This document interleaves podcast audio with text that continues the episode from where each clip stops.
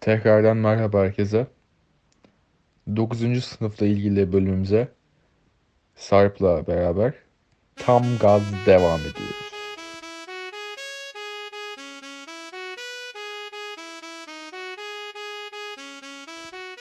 Şimdi Sarp'a birkaç tane soru hazırlamıştık biz. 9. sınıfla alakalı işte hem akademik hem farklı şekillerde. Sarp istersen sana onları soralım. Tabii şimdi. ki. Ha mesela e, şu an işte Nisan ayına girdik. Yani yıl daha bitmedi ama işte durum belli. Aynen. Virüsten dolayı işte okula ne zaman gideceğiz belli değil. Ama şu ana kadar 9. sınıfta yani senin açından en zorlayıcı ve en güzel tarafları no- neler oldu 9. sınıfta? Ee, bana sorarsanız 9'un en zorlayıcı yanlarından bir tanesi ve muhtemelen benim için en başta geleni bu hazırlıktan 9'a geçiş süreciydi. Ee, şimdi yani 9'un en büyük olayı diyeyim muhtemelen e, ya da işte bize işte üst dönemlerimizin falan söylediği kadarıyla notların sayılmaya başlanması. Zaten çok bir farklılık yok onun dışında dersler dışında. Ee, böyle olunca işte bir e, hani hazırlıktan çıkması çok rahat e, en azından bizim okul için ve genel olarak hani o e, derslerin ağırlığı daha hissedilmiyorken birden böyle ilk sınav dönemi geldiğinde biz notlara alınca falan işte böyle böyle oha biz bunu üniversitede e, şey yapılacak etkileyecek falan şeyine girip orada bir hani derslere bayağı ısınmaya başlamıştık. E, benim açımdan bu akademik e, süreçte sosyal hayatın bağlanması da bunun bir sonucu olarak e, hani zor bir duruma e, geçirdi beni hani ve genel olarak arkadaşlarımla gözlemlediğimde hani böyle ilk defa hafta sonu işte insanlara işte hadi kanka gel bir şeyler yapalım falan dediğimizde insanlar böyle cidden hani e, sınavlar olmasa bile çalışmaya vesaire başladı. E, bu dönemi süreci iyi yönetmek benim açıdan benim açımdan zorlayıcı olmuştu. E, güzel taraflarına gelirsek e, benim için en güzel tarafı muhtemelen benim için e, benim için en güzel tarafı muhtemelen kulüpler kulüplerin devamı ve hani bu e, derslerden kaçmak için arkadaşlarımla geçirdiğim zamanlar oldu. E, şimdi hem 9. sınıfta bizim e, okulda en azından genelde de öyle oluyor zannedersem sınıflar karıldığından artık iyice dönemdeki insanlarla e, tanışma fırsatı bulmuş oluyoruz. Bunun dışında işte e, kulüpler vesaire devam ediyor. Ben mesela işte birkaç kulüple yer alıyorum. Bunlarda yaptığım aktivitelerde işte bu akademi e, akademik yönünü okulun hafifletiyor. Benim için bunlar çok güzeldi. Böyle yani. Peki e, yani şu an 9. sınıf hakkında işte düşünceleri çok taze e, Aynen. birisi olarak mesela gelecek sene 9. sınıfa geçecek arkadaşlara bir tavsiyen var mı dinleyicilere? Ya aslında aynen şöyle söyleyebilirim. En önemlisi işte bu geçiş sürecini iyi yönetmek bence. Zaten ondan sonra e, hani bunu e, iyi yönettikten sonra bazı şeyleri oturtunca işte 9. sınıfın başında bahsettiğimiz gibi e, işte hani çalışma stili olsun. Zaten bunlar sonradan oturduktan sonra 10. sınıfta ileride en azından hani e, bu bazı şeyleri öğrenmemize gerek kalmıyor. İşte bu 9'da nasıl hani en iyi çalışma formatı veya işte sınav gerçeği hani bunların daha doğrusu notlarının sayılıyor olması gerçeği buna nasıl çalışırız, nasıl adapte oluruz bunları çözmek e, en önemlisi. Bunun için hani e, ne kadar işe yarar bilinmez ama hani herkes yapıyor bunları sonra e, salıyoruz bir süre sonra böyle çalışma takvimi vesaire hazırlayabilirsiniz ama yani onlar hep sekiyor. Ama hani bilmiyorum düzenli olmak ve hani muhtemelen bazı şeyleri planlı yapmak en büyük tavsiyem falan olur. Onun dışında kulüp aktivitelerini vesaire elden bırakmamak lazım gerçekten. E, hani çünkü bu e, akademik yön biraz akademik tarafı okulun ağırlaştıkça cidden bazı şeyleri hani ister istemez boşluyoruz ama hani hem bizim için boş zamanımızı iyi de geçirmemiz açısından hem de hani cidden kendimizi beslememiz açısından önemli hani kulüp vesaire tarzı. Onları elden bırakmamak lazım. Böyle herhalde. Evet. e, Senin bize soruların var mı? Ee, benim sorularım var. Şöyle e, genel olarak bizim 9'da yaşadığımız soru işaretlerinden bir tanesi e, şimdi biz ileriye yönelik ne yapacağız? Şimdi üst sınıftaki insanlar böyle böyle işte üniversitelere başvurular atı- atılıyor işte herkes sınavlara çalışıyor falan. Biz de bunlara çok maruz kalıyoruz ama bir yandan elimiz kolumuz da bağlı. Hani iki sonra iki, e, iki hafta sonraki yapılacak matematik sınavı dışında elimizden üniversitelere şey yapmak için hiç, hiç mi başka bir şey yok? Hani üniversitelere hazırlanmak için biz ne yapabiliriz yani illa üniversite olmak da zorunda değil. Hani ileriye yönelik neler yapabiliriz 9. sınıfta bu e, önemli soru. Abi bence en temel şey olarak üstte yani bunu prep için de söyledik ama 9'da ayrıyeten de bir yoğunlaşan bir şey haline geliyor. Özellikle bizim okulumuzda İngilizce konusu bence en kritik olaylardan biri. Eğer 9'da bunun temeli çok sağlam kurulmazsa hani 10'da çok patlarsın, 11'de çok patlarsın. Çünkü hem hocaların beklentisi yükseliyor hem de yapman gereken işlerin kalibresi de artıyor. Yani bu doğrultuda İngilizce bir bence çok kritik bir şey. İki genel olarak hani birazcık ilerleyen senelerde de psikolojik ağırlaşma da gelecek. Hani zorlanma, yoğunlaşma, gerekli zamanlarda üzülme, kaygılanma. Hani bu açıdan bence iyi bir çevre oluşturmaya çalışmak, iyi bir çevre elde edebilmek, insanlarla sohbetin olması falan filan bence 9'da alabileceğin güzel şeylerden de biri olması o bir biridir yani benim için. Siz ne dersiniz? Ya e, bence 9. sınıfta yani biz en azından bizim okulda öyle. Diğerlerinde de aşağı yukarı öyle diyebiliyorum. Daha e, temel bizim intro dediğimiz hani giriş fen dersleri alınıyor ve ondan sonra fen dersleri giderek zorlaşıyor. O yüzden bence eğer e, sayısal bir şeyle ilgilenmek istiyorsanız özellikle fenle ilgilenmek istiyorsanız ve sonraki senelerde fen e, kariyerinizin devam edeceğini biliyorsanız 9. sınıftaki kolay ve giriş fen derslerinde işte e, laboratuvar raporu, lab report dediğimiz nasıl hazırlanır, işte deneyler e, nasıl yönetilir falan gibi şeyleri oturtmak bence çok mantıklı oluyor. Ben e, bu arada şey Can'ın dediği o İngilizce yani yabancı dil e, yetkinliğinizi ilerletmek gerçekten çok önemli. Sadece okul için de değil çünkü işte farklı bölümlerde bahsedeceğiz. Bu SAT'dir, ACT'dir, TOEFL'dır falan. Yani onlar bir insanların birikimle girdiği sınavlar. Yani işte oturup bir haftada böyle Aa, kanka hadi İngilizce öğreneyim deyip de girilen sınavlar değil. doğru doğru. Aynen. yani o, o açıdan evet önemli yani o da. Ya bir de iyi bir dil temeli olmasa hani okuyacağınız şeyi bile etkileyebilir en basitinden. Okuyacağın, ok, ok, okumak için seçeceğin kitabı bile etkileyebilir. Hani çok geniş bir çapta yararı olan bir konsept. Evet evet. E, genel olarak dil diyorsunuz.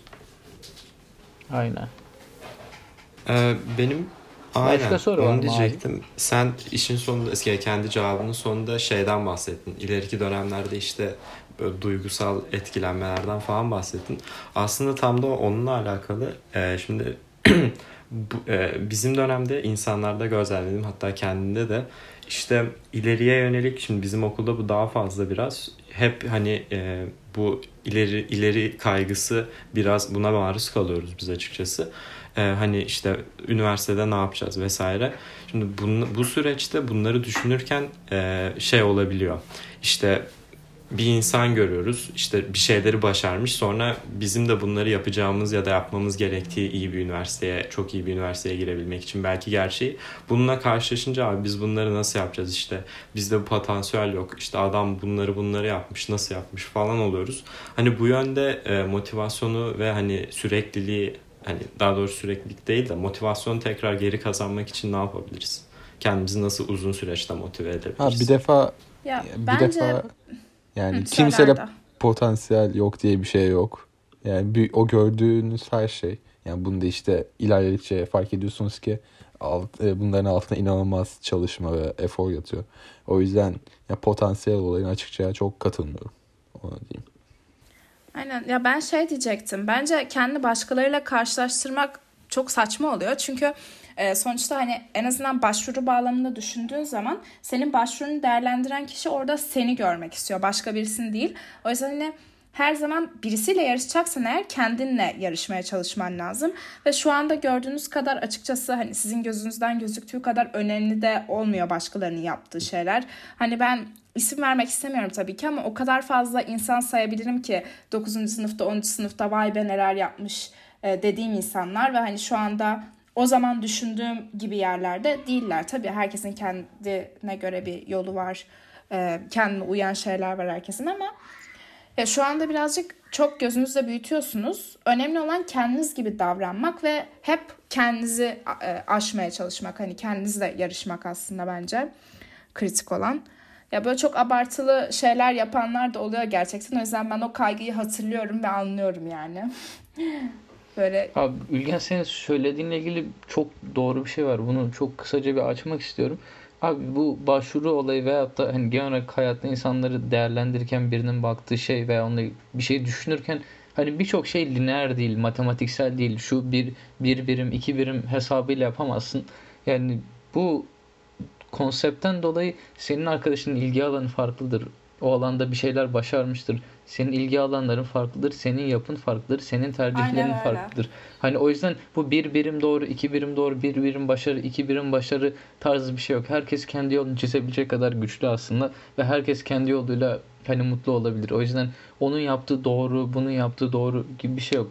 Keyif aldığın işi zaten güzel bir şekilde kendini sürdürürsen zaten işin sonunda onun adı başarı olur ve senin için de keyif olur. Ya Yani o bir çok de kişiden kişiye değişen bir konsept. şey oluyor mesela sen diyorsun ki işte vay be işte çocuk kitap yazmış bir şey yapmış falan hani ne kadar kaliteli hareket falan gibi görüyorsun. Ama aslında onu sırf yapmış olmak için yaptığı için veya işte başkalarını geçmek için yaptığı için işin sonunda hani başvuru bağlamında değerlendirdiğimizde onun başvurusuna bakan insan hani görüyor bunu yapmış olmak için yapmış olduğunu veya o senin gibi düşünmüyor diyor ki hani çok dallanmış budaklanmış tek bir şeye odaklanmamış falan. Ee, yani herkesin kendi bakış açısı da farklı oluyor. Sizin şu an gördüğünüz her zaman e, doğru değil, yanıltıcı olabiliyor bazen. Onu da söylemek lazım. Üniversite başvurularını okuyan insanlar bu bu arada üniversitelerde ayrı bir ofis arkadaşlar yani insanların işi gelen başvuruları okumak, değerlendirmek, bunlarla alakalı verileri toplamak falan. Ve yani bu işi insanlar 10 yıllardır yaptığı için gerçekten yazdıkları, yazdığınız şeylerin veya yaptığınız aktivitelerin sizin karakterinize uyumlu mu? Gerçekten isteyerek mi yapmış? İşte dediğim gibi öncesine de bağlamak gerekirse bu eseylerle falan da alakalı oluyor. Yani kendi sevdiğiniz şeyleri takip ederseniz sonu daha güzel oluyor diye gözlemledim ben. Aynen. Aynen. Kesinlikle katılıyorum. Endişelenmeyin yani. Ya bir de şey gelecek kaygısı yani çok insani bir şey yani herkes evrensel bir konsept yani sana bana veya sadece Robert Tekler'e veya XY okulundaki insanlara has bir şey değil. Bir konsept bir durum net olmadıkça her daim bununla ilgili kaygılanırsın. Robert'e girene kadar veya herhangi liseye gidene kadar ben hangi liseye gideceğim kaygısıyla yaşıyorsun. Liseye girdikten sonra da ben hangi üniversiteye gideceğim kaygısı geliyor. Sonra da ben ne meslek yapacağım kaygısı gelir. Yani hayat boyunca hep önünde bir şeyler olur ve bunlar oldukça hepsinin bir belirsiz yönü var olacak.